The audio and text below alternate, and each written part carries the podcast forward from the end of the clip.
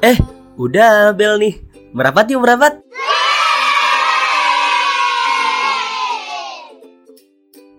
Oke, halo. Balik lagi bersama saya, Maruf El Munir dalam podcast Pikir-Pikir Lagi. Jadi, untuk teman-teman yang baru saja bergabung dengan podcast Pikir-Pikir Lagi, podcast ini adalah podcast yang banyak membahas tentang kepemudaan, pengembangan diri, psikologi, dan juga kesehatan mental. Episode 25, Berdamai dengan Diri. Di episode ini, gue akan mencoba membahas tentang apa, kenapa, dan bagaimana kaitannya dengan berdamai dengan diri. Tentunya yang mungkin sudah gue bahas di IG story gue khususnya tentang memaafkan. Nah bagaimana itu kaitan tentang memaafkan diri sendiri dan juga memaafkan orang lain. Nah simak selengkapnya ya. Langsung aja kita mulai. Tiga, dua, dan satu.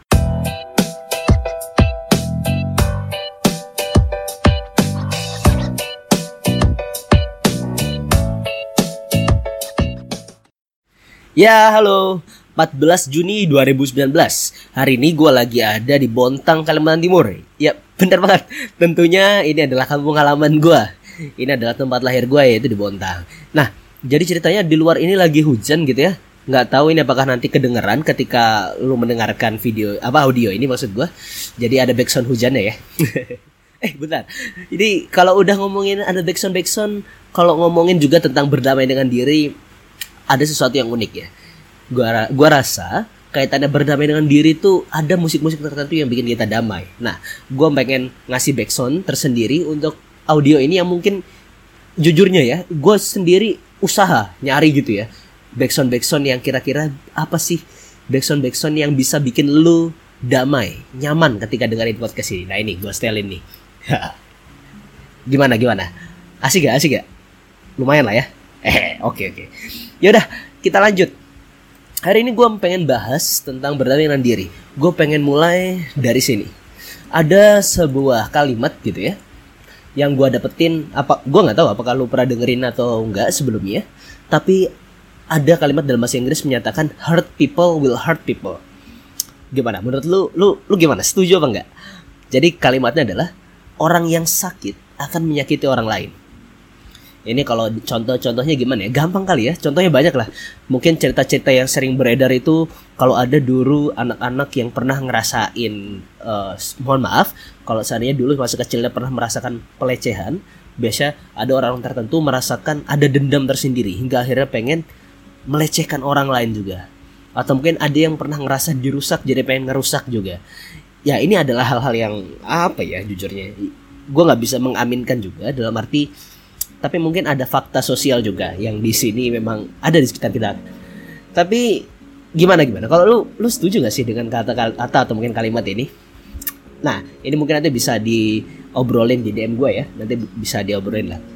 Jadi kalau udah bahas tentang berdamai dengan diri, memang jujurnya banyak banget sih ya domain-domainnya apa aja yang penting. Tapi setidaknya yang tadi gue udah bahas pertama adalah kenapa sih kenapanya tuh dari mana? Dalam arti kenapa sih orang itu perlu berdamai dengan diri? Kalau menurut lu kenapa? Kalau gue sih ya, menurut pemahaman gue dan sejauh gue, ya sejauh pengetahuan gue entah itu baca buku, entah itu nonton video, audio, entah itu cerita dari teman-teman, yang namanya berdamai dengan diri ini, gue bisa bilang identiknya dengan kesalahan di masa lalu, atau mungkin pengalaman jadi ada bisa jadi kesalahan, bisa jadi pengalaman. Terus sebenarnya juga ada kaitan dengan persepsi. Mungkin ada kaitannya juga dengan oh iya podcast episode gue yang lama-lama itu kaitan tentang menafsirkan pengalaman. Contohnya adalah kalau seandainya contohnya gini, ada sebuah kisah juga. Kalau tadi kita ngebahas tentang sebuah seorang anak gitu ya, seorang anak yang mungkin ketika kecil dilecehkan dan ketika besar baru tahu kalau itu itu ternyata dia dilecehkan tapi dia diam Nah, sering kali atau mungkin ada beberapa orang itu dalam cerita-cerita yang sering gue baca itu ya di berita-berita akhirnya orang itu ketika besar merasa salah juga. Salahnya apa? Kenapa gue rela? Kok gue rela sih? Udah tahu ini nggak baik kok gue rela mau digituin sama dia? Atau enggak gue tahu ini nggak bener tapi kok gue nggak bisa ngapa-ngapain? Sehingga akhirnya ngerasa bersalah juga. Nah ini juga kaitan dengan itu tadi berdamai dengan diri itu adalah sesuatu yang gue bilang cukup dalam ya Oh iya, mohon maaf. Mungkin sebelum gue lanjut, gue sudah kasih caution dulu, peringatan dulu. Peringatannya ini, mungkin mendengarkan podcast ini bukan berarti lu akan langsung atau mungkin akan otomatis lu bisa berdamai dengan diri lu. Tapi itu semua tentu bergantung sama lu lu semua nih yang dengerin. Nah, itu tadi. Makanya pertama kali yang harus kita selesaikan kalau tadi gue bilang adalah tentang hurt people will hurt people. Orang yang sakit akan menyakiti orang. Nah, kita harus mulai dari sini. Sehingga kita harus menanamkan pada diri kita nggak ada tuh yang namanya rasa dendam. Rasa rasa rasa lain tuh nggak perlu lah. Yang perlu kita tumbuhkan ada rasa kecintaan. Kecintaan kita pada diri sehingga kita mampu mencintai orang lain juga sama halnya kayak gini. Waduh ini kayaknya gue juga pernah nih. Ada sebuah contoh ya. Kalau lu sedang nembak orang lu lagi nembak orang nih eh gue cinta sama lu. Ketika lu bilang kayak gitu sebenarnya apa yang lu harapin? Kalau gue bisa bilang sebenarnya kan yang lu harapin itu kan sering kali iya gue juga sayang sama lu. Iya gue cinta juga sama lu. Coba deh kalau lu pikir bener-bener kalau seandainya yang lu harapin adalah itu sebenarnya yang lu cintai siapa? Apakah dia yang lu cintai ataukah diri lu sendiri? Hingga akhirnya lu ada rasa egois menginginkan orang lain tuh harus cinta sama lu. Ini udah dalam ya kok jadi ngomongin cinta ya? Sorry sorry sorry. Ini mungkin agak melebar. Tapi itulah yang pengen gue bahas tentang hard people. Jadi kita coba kenapa kita harus penting atau kenapa kita harus berdamai dengan diri kita? Kenapa kita harus berteman berkawan dengan diri kita? Itu kalau misalnya gue gambarin gitu ya di cover gue itu kan kaitannya dengan Naruto. Naruto itu di masa lalu adalah sebagai seorang anak yang sudah ketika lahir itu apa? Uh, ketika baru umur berapa? Ditinggal oleh ayahnya karena ayahnya berjuang gitu kan kemudian menjadi seorang anak yang suka dilecehkan dalam arti diremehkan oleh teman-temannya terus disendirikan dalam arti nggak ada yang mau berteman sama dia. Hingga akhirnya apa? Dia menjadi sosok sosok seorang yang suka cari perhatian. Wah ini kayaknya tambah deras ya. Ya semoga nanti nggak terlalu mengganggu. Gue lanjutin. Kemudian dia menjadi sosok yang suka cari perhatian. Hingga akhirnya ya bisa dibilang suka buat onar. Untuk apa? Untuk mendapatkan rasa kasih sayang dan juga rasa nyaman itu sendiri. Tapi jauh dari dalam itu sendiri, ternyata dia menjadi sosok yang sudah berdamai dengan dirinya. Nah, kalau udah kaitan dengan berdamai nggak cuma tentang berdamai. Kalau gue bilang tadi berdamai bisa kaitan dengan berteman dengan diri, tapi juga bisa bilang selesai dengan dirinya. Selesai dengan dirinya. Dia sudah ketika dia sudah besar gitu ya, dia udah nggak pernah lagi tuh memikirkan tentang dulu dia adalah seorang anak kecil dan yang yang dulu itu enggak dia nggak pernah sama sekali gitu tapi ini udah selebihnya yang lebih penting. Apa itu? Dia adalah menjalani dirinya yang saat ini. Dalam arti yang lalu biarlah berlalu. Ya yang lalu biarlah berlalu. Ini tentu udah mungkin anak-anak SD pun ketika lu SD lu lu udah pernah nih jujur. Nulis-nulis sebagai moto lu. Karena jujurnya ya ini sorry agak melebar dikit. Intermezzonya adalah ketika gue SD gue SD tuh cukup apa ya gue jujur gak suka baca buku. Jadi ketika ditanya motonya apa gue cuma tahu satu kalimat yang berlalu biarlah berlalu. Jadi kalau gue ditanya di mana mana moto gue sampai gue SMP kalau nggak salah gue selalu nulis yang berlalu biarlah berlalu. Tapi ternyata apa ya gue bersyukur dengan itu. Karena akhirnya gue bisa menjadi orang yang seperti itu. Yang berlalu biarlah berlalu. Nah itu tadi balik lagi ke Naruto. Si Naruto itu kan akhirnya dia fokusnya pada apa? Kalau teman-teman sadari ada satu hal yang bisa kita pelajari yaitu adalah awareness atau mungkin mindfulness, kesadarannya. Mungkin nanti teman-teman bisa searching lagi mindfulness itu seperti apa. Mindfulness itu kan adalah kondisi di mana kamu, di mana lu menyadari betul lu ada di mana, lu lagi apa dan lu sedang rasain apa. Itu adalah mindfulness mindfulness itu benar-benar merasakan seutuhnya seluruhnya apa yang saat ini lu jalani. Bukan berarti lu pikiran lu ada di mana, otak lu ada di mana, dan jasad lu ada di mana. Kan sering banget ya, kita lagi ada di kelas, tapi pikiran kita masih di rumah. Untuk kalau misalnya kita lagi baru balik gitu ya, dari pulang-pulang lebaran gini kan, atau mungkin ada yang habis liburan gitu kan ada yang habis liburan habis itu habis dari pantai habis itu masuk kelas udah masuk kelas tapi tiba-tiba bengong ternyata pikirannya masih ngebayangin, aduh kenapa aku tadi nggak foto kayak gini di pantai ini. Nah itu udah itu tandanya lu kurang mindfulness. Nah mindfulness itu kaitan dengan ini, dengan berdamai dengan diri. Mencoba untuk berdamai dengan diri itu juga kaitan dengan fokus pada hari ini dan juga hari esok. Jadi udah nggak perlu lagi mikirin tentang itu. udah, ini kayaknya udah tuntas ya tentang kenapa kita harus berdamai dengan diri. Dan sekarang masalahnya adalah berdamai. Kata berdamai ini sendiri. Kalau gue bisa bilang berdamai dengan diri ini banyak sekali faktornya gitu ya. Tapi setidaknya jelas ada dua faktor utama yaitu faktor diri sendiri dan juga faktor orang lain kalau gue bilang. Gue pertama bahas akan mencoba faktor orang lain ya. Kalau lu pernah baca gitu ya atau mungkin pernah nemuin juga sumber ini, gue pernah lihat ternyata ada sebuah sumber yang menyatakan kaitannya dengan berdamai dengan diri itu kan kalau tadi gue bilang kaitan dengan memaafkan. Memaafkan.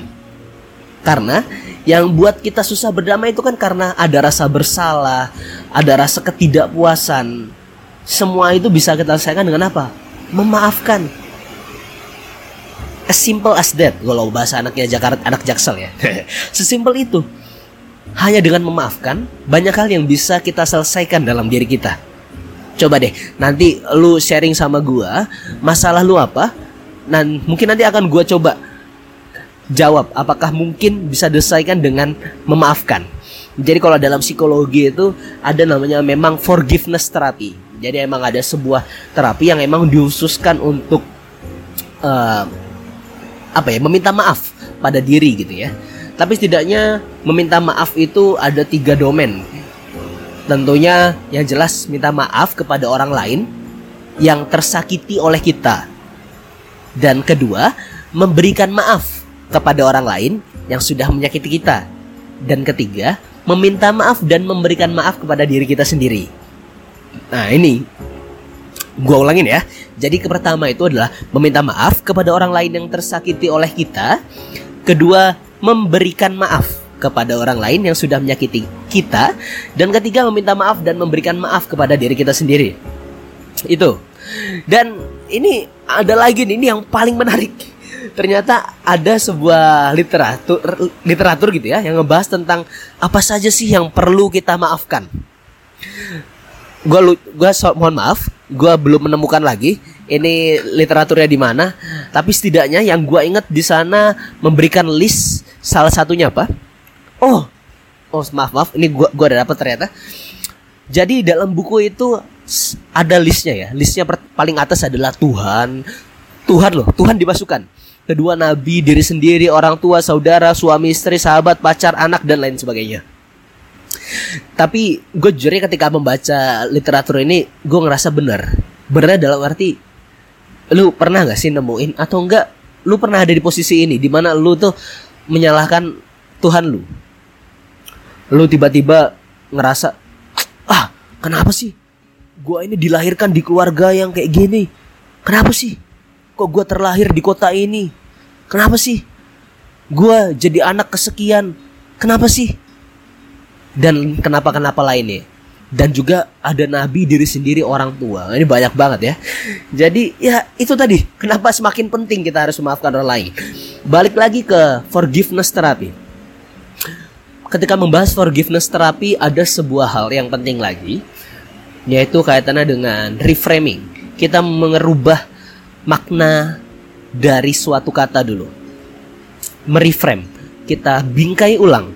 Yang ingin gue bingkai ulang pertama dan mungkin ini yang penting yaitu tentang makna memaafkan. Ini inget banget gue dulu belajar ini ketika gue semester berapa itu ya? ya semester 3 kurang lebih ketika awal-awal gue belajar hipnosis oleh dosen gue dan juga coach gue gitu ya. Limanya di antaranya ini. Nih kalau bisa dicatat ya. Pertama atau mungkin di, di internet udah banyak. Jadi nanti bisa di search aja. Yaitu memaafkan bukan berarti melupakan satu kedua memaafkan tidak harus memberitahukan ketiga memaafkan adalah untuk kenyamanan diri sendiri Keempat, memaafkan bukan berarti menyukai orang yang telah bersalah. Dan kelima, Memaafkan bukan berarti mengizinkan kembali kesalahan untuk terjadi. Gimana? Kita ulangin satu-satu ya. Pertama, memaafkan bukan berarti melupakan. Ya, ini adalah suatu yang penting. Kalau cewek itu kayak gitu ya. biasanya cewek ini sering gini.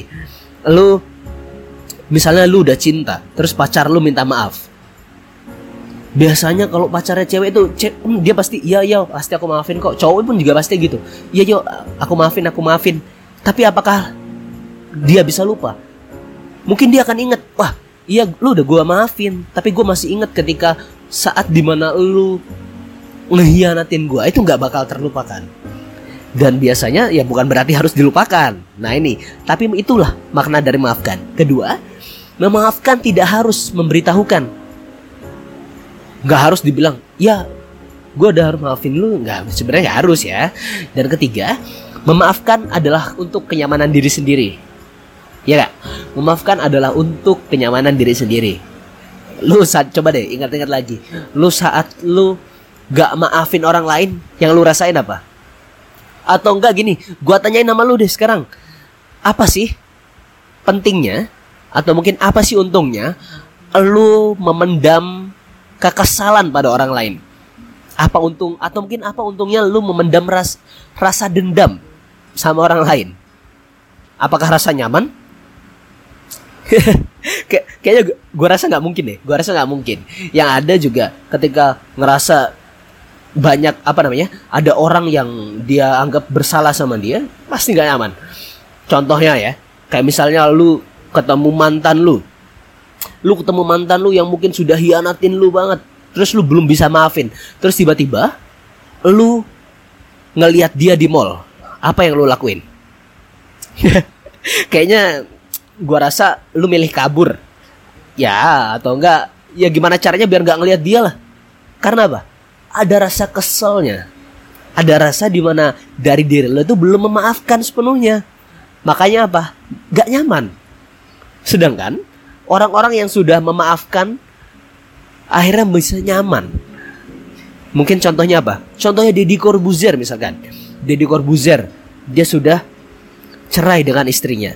Tapi ketika mengurus Aska dengan pacar barunya, Sabrina, dia bisa mengajak mantan istrinya untuk ngobrol bareng, untuk sharing bareng. Itu adalah makna memaafkan. Saling memaafkan. Hingga akhirnya apa? Yang nyaman apa? Semuanya menjadi nyaman. Iya gak? Ed, tapi lu kayak gini jangan nganggap gua suka ngikutin gosip. Enggak dong. ya, keempat, memaafkan bukan berarti menyukai orang yang telah bersalah. Nah, ini jelas ya. Memaafkan itu bukan berarti kita harus ya harus berteman baik banget sama dia. Kita harus terus-terusan bareng sama dia. Terus kalau misalnya dia berbuat salah lagi, kita harus selalu maafin. Nah, bu bukan selalu gitu. Dalam arti kita bisa memberikan maaf lagi tapi juga dengan mem mungkin memberikan peringatan atau mungkin ya jelas ya kalau tadi konteksnya adalah memaafkan bukan berarti menyukai orang yang telah bersalah karena jujurnya kalau gue bilang kaca yang sudah hancur ketika ditempel lagi tuh nggak pernah sama pasti ada bekasnya. Begitupun juga saat memaafkan orang lain gitu ya. Apalagi kaitan dengan kepercayaan. Kepercayaan itu kan kalau sudah punah ketika kembali lagi diusahakan kembali pun juga udah udah nggak pernah sama. Nggak dan mungkin ya udah nggak mungkin sama. Pasti ada rasa curiga. Ya itulah. Dan kelima memaafkan bukan berarti mengizinkan kembali kesalahan untuk terjadi. Nah ini jelas ya memaafkan itu bukan berarti membiarkan atau mungkin mengizinkan kembali kesalahan itu untuk terjadi. Ya itu dia kaitannya dengan memaafkan. Dan kemudian tentang balik lagi tentang memaafkan itu apa saja yang harus dimaafkan? Gue sini fokusnya tentang ini aja dua hal. Yaitu interpersonal kita atau mungkin intrapersonal. Apa yang dalam diri kita dan apa yang di luar dari kita. Gue pengen bahas tentang apa yang di luar dari diri kita. Dan juga apa yang ada dalam diri kita kalau bicara tentang apa yang ada di luar dari diri kita yang paling gampang adalah kita memaafkannya dengan cara mengingat-ingat kebaikannya mengingat-ingat kebaikannya. Kalau seandainya lu udah saking kecewanya sama mantan lu karena dia selingkuhin lu, coba sesekali lu ingat-ingat gimana baiknya pacar lu nganterin lu ke rumah sakit, nganterin makanan, nganterin obat. Atau mungkin datang malam-malam ngasih makanan karena kamu belum makan hanya karena alasannya lapar. Atau mungkin karena kamu hanya ke BM BM aja. Eh yang aku kayaknya pengen makan mie ayam deh. Aku kayaknya makan bakso deh. Dan dan cowok lu atau mungkin cewek lu mau ngasihin. Coba deh lu sekali-sekali lu resapin betul. Dan gimana sih rasanya kalau seandainya kebalikannya? Lu yang berbuat salah sama dia. Nah ini mungkin cukup sederhana dan gue rasa ya nanti bisa diseringin lah kaitan dengan memaafkan orang lain. Karena itu udah paling utamanya di situ. Makanya mau gue bahas mana lagi fokusnya di situ. Intinya adalah memaafkan itu dari sana. Sama halnya kalau kayak ini kalau udah bicara lebih luas kalau tadi kan tentang memaafkan ada konteksnya paling atas itu memaafkan Tuhan. Kalau bicara tentang Tuhan apa? Kalau seandainya kita ngerasa nggak puas tentang apa yang sudah kita dapatkan atau mungkin apa yang menimpa kita, coba sesekali kita ingat, misalkan, wah, gue nggak seneng banget nih kok gue nggak nggak keterima kuliah di sini. Lu ada rasa kekesalan, lu ngerasa, wah ini takdir Allah nggak adil, wah takdir Tuhan nih nggak adil. Eh, tunggu dulu. Tapi coba lu ingat, lu bisa SMA, mungkin di sekolah yang favorit atau mungkin lu lahir dan juga hidup di keluarga yang berkecukupan. Lu bisa ke mana-mana naik mobil, dan orang lain belum tentu semuanya seperti itu. Nah ini udah sama kan kaitannya tadi mengingat kebaikan, mengingat kebaikannya Allah. kebaikan Allah udah macam-macam ya dari nafas lu, dari lu bisa dengerin ini juga kebaikannya itu. ya udah, nanti kalau gua terusin jadi ustadz lagi gua. Nah ini selanjutnya tentang memaafkan diri. Ini kalau memaafkan diri, hmm, ini kaitannya yang tadi gue bilang, sering kali kan udah kaitan dengan diri sendiri itu kaitan dengan masa lalu dan juga kaitannya dengan pengalaman. Kalau udah bicara tentang kayak gini, dalam arti melakukan kesalahan ya, pengalaman ya, melakukan kesalahan. Kalau ditanya gimana sih caranya? Sederhananya kalau bahasa Islaminya bertaubat, minta maaf lu kalau misalnya lu pernah belajar gitu ya kalau dalam Islam sendiri misalkan taubat itu setidaknya ada tiga syarat kan. Syarat pertama adalah penyesalan kedua adalah meninggalkan dan ketiga adalah memperbaiki. Dan kenapa? Alasannya ya kenapa gua menggunakan kata taubat ini untuk gua terapin dalam memaafkan diri sendiri? Karena ini sangat ya bisa langsung diimplementasikan dalam diri lo ketika lu ngerasa bersalah akan sesuatu dan lu nggak bisa maafin diri lu atau mungkin lu kerasa gimana ya ya udah mungkin lu sudah dengan adanya lu memikirkan itu berarti lu sudah masuk di tahap pertama. Yaitu apa? Lu sudah masuk dalam masa penyesalan. Oke? Okay? lu udah menyesali. Tinggal selanjutnya lu melanjutkan ke tahap kedua dan ketiga. Kedua adalah meninggalkan. Jangan sampai yang namanya kesalahan itu tadi tidak terulang lagi di kemudian hari. Dan ketiga, memperbaiki. Memperbaiki itu seperti apa? Kalau lu sudah tiba-tiba ngerasa, wah lu ngelakuin sesuatu yang jelek, gak arti lu gagal, lu tinggal mencoba dengan melakukan sesuatu yang baik atau setidaknya berusaha untuk menjadi lebih baik. Nah ini banyak banget ini analogi Islam-Islamnya. Mesti teman-teman tahu lah. Nah, ini sudah kaitannya dengan memaafkan diri sendiri. Jadi, inilah inti dari yang namanya forgiveness terapi itu tadi. Oke, okay? ini tadi udah cukup panjang ya gue jelasin ya tentang forgiveness terapi. Ya itu tadi pokoknya yang paling gue ingetin lagi tentang redefinisi dari kata memaafkan. Gue ulangi sekali lagi deh, biar nyantol di kepala lu semua nih. Memaafkan bukan berarti melupakan. Memaafkan tidak harus memberitahukan Memaafkan adalah untuk kenyamanan diri sendiri. Memaafkan bukan berarti menyukai orang yang telah bersalah. Dan memaafkan bukan berarti mengizinkan kembali kesalahan untuk terjadi. Selanjutnya gue pengen jelasin nih uh, tentang apa ya? Kalau tadi gue udah bahas tentang forgiveness terapinya. Oh iya ini. Jadi kan gue udah sharing juga di story gue jadi di episode 25 ini sebagai episode pengantar juga dari apa yang akan gue lakuin di episode 26. Jadi ceritanya episode 226 nanti akan full berisikan sesi hipnoterapi. Isinya sesi hipnoterapi apa? Yap, khususnya tentang berdamai dengan diri.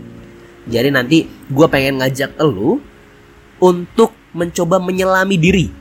Menyelami diri untuk menggali seluruh potensi dalam arti masuk ke dalam alam bawah sadar dan mungkin ya itulah akan mencoba untuk menggali di mana saja sih rasa penyesalan itu, di mana aja sih rasa bersalah itu, dan mengajak teman-teman untuk bersama memaafkan dirinya sendiri. Supaya apa? Ya tentunya supaya kita tuh bisa sama-sama mencapai yang namanya versi terbaik dari diri kita.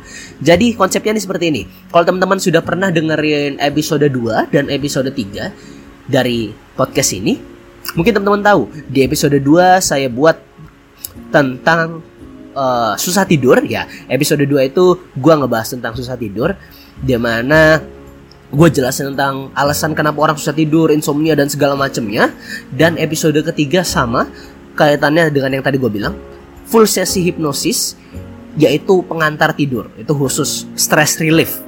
Jadi untuk ngelepas stres nah itu ada di episode 3 tuh yang lu cari nah kaitannya ini beda lagi kalau khusus kaitannya tentang berdamai dengan diri.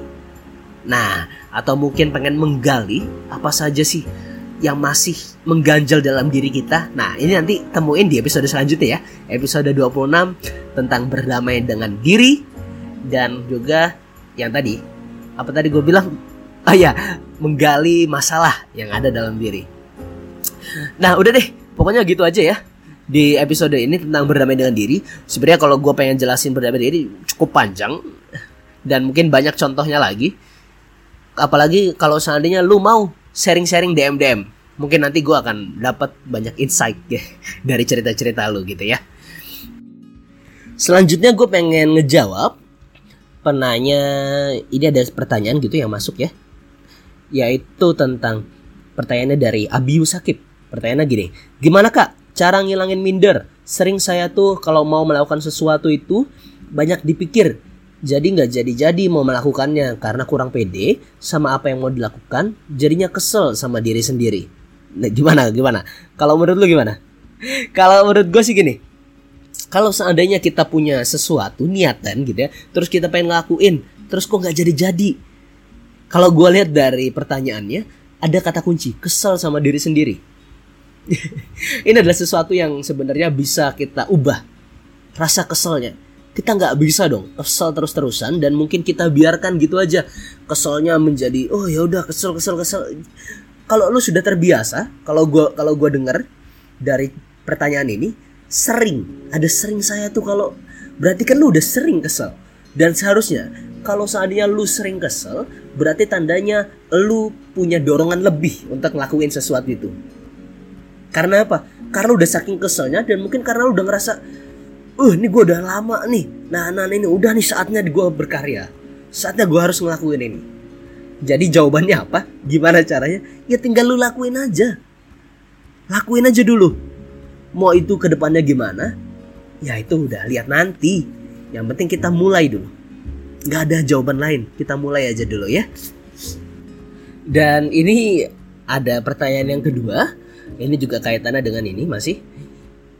Dia bertanya tentang dia pernah me, apa merasakan sebuah sesi tentang ya mungkin bisa dibilang tentang berdamai dengan diri juga kaitannya. Terus dia pernah bil, dia di sini bilang saya sudah ngerasa udah bisa berdamai kak dengan diri saya dan juga dengan orang lain yang ada di masa lalu.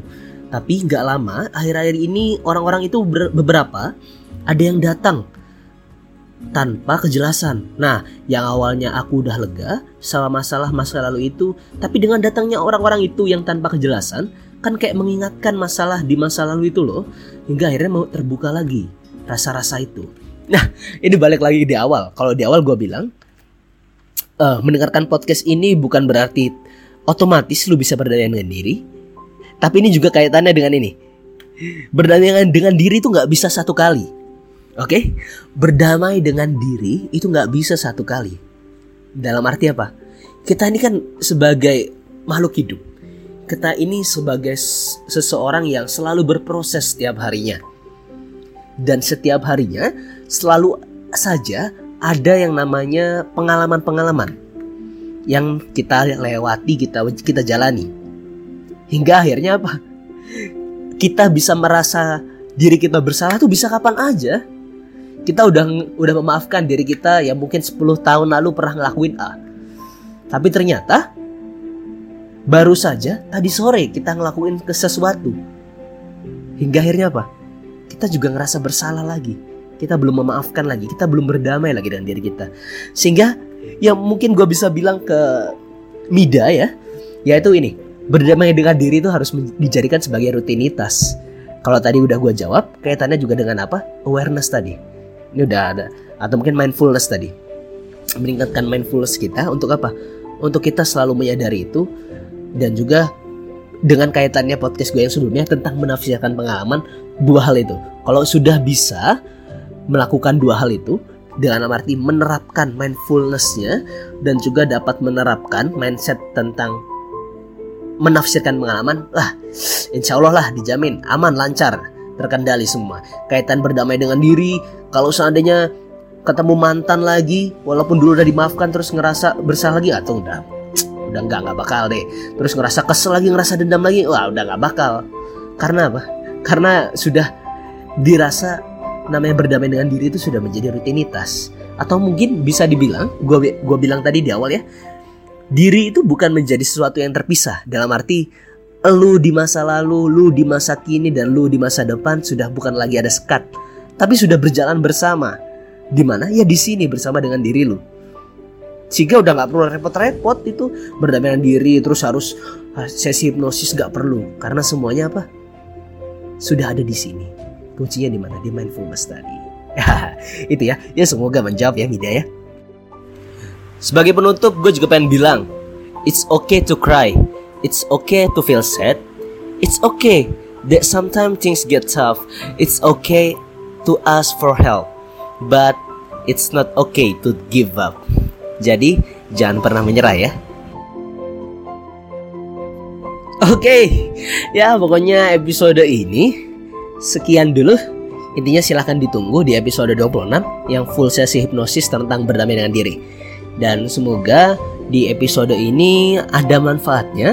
Dan kalau dirasa ada manfaatnya, saya minta tolong ya. Kalau seandainya kamu dengerinnya di Apple Podcast, mungkin bisa di subscribe. Atau mungkin kalau seandainya di Spotify, bisa di follow. Dan kalau, ya jujurnya ya, saya akan seneng banget kalau seandainya lo mau share, berbagi di share lagi linknya di share lagi mungkin di Insta Story ya gitu ya gue bakal senang banget tuh pasti karena tentu gue pasti akan repost juga dan mungkin nanti kan ada obrolan-obrolan selanjutnya yang kita bisa lakuin di DM dan ngobrol-ngobrol seperti tadi ada beberapa orang yang bertanya juga jadi kalau teman-teman yang mau ngirim pertanyaan silahkan banget bisa lewat via DM aja nanti kita bisa ngobrol-ngobrol lebih lanjut Oke, gitu aja. Intinya silahkan ditunggu episode 26 podcast pikir-pikir lagi. Bye bye.